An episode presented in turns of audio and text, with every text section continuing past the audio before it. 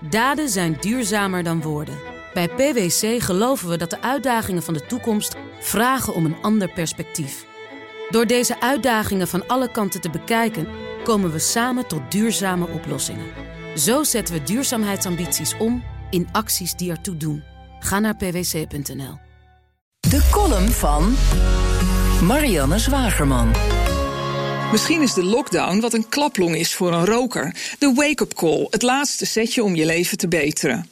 Als je al na drie weken de toppen van de Himalaya weer kunt zien, nadat ze drie decennia verborgen bleven achter een smokgordijn, weet je toch genoeg. Kees de Kort wil dat alles zo snel mogelijk weer wordt zoals het was. Maar de trendwatchers buitelen deze dagen over elkaar heen met scenario's van ons leven na de lockdown.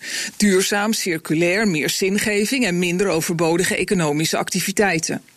Marketinggoeroe Mark Ritson noemt dat in Marketing Week hopeloos naïeve gedachten van marketeers die, zoals hij dat noemt, verslaafd zijn aan de pornografie van verandering. Boompjes opzetten over een door niemand te controleren toekomst is fijn voor de business van trendwatchers, die er vaak al duizend keer naast zaten, maar de toekomst is een fijne plek om je te verstoppen. Toch gaan media hier wel anders uitkomen. Dat durf ik als amateur trendwatcher best te voorspellen. Nieuwsbedrijven die we vroeger kranten noemden, hadden hun businessmodellen al omgebouwd naar digitale abonnementen. Na het opdrogen van de advertentiemarkt. Door vet wegkappen en schaalvergroting werden ze toekomstbestendig. Dat zijn de businessmodellen van broadcasters veel minder. Het grootste deel van de kurk waar het imperium van John de Mol, maar ook RTL, dat in elk geval Videoland nog heeft, op drijft, is de adverteerdersmarkt. Ook hun rol is kwetsbaar. Het cureren, samenbrengen van content. Ze zijn een schakel die vloggers en influencers al konden missen. Onder invloed van de lockdown schieten nu quarantaineformats uit de grond, waar een camera in de huiskamer of op het werk genoeg blijkt om kijkers te vermaken en informeren. Voor Bo blijft binnen en de frontberichten moet je nog naar een omroep. Maar Paul de Leeuw zoekt de kijkers zelf op YouTube op. De plek waar Andrea Bocelli met zijn Music for Hope 30 miljoen views scoorde tijdens de paasdagen.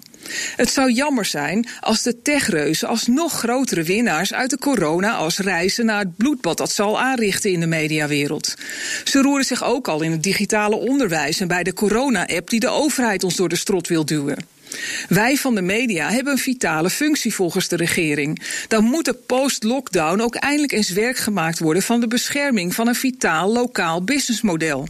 Ten koste van de techmonopolisten. Columnist Marianne Zwagerman. Terugluisteren? Ga naar bnr.nl of de BNR-app. En daar vindt u ook alle podcasts. Iedere zondag van 9 tot 11 brengen wij het beste uit het buitenland in BNR Buitenlandse Zaken.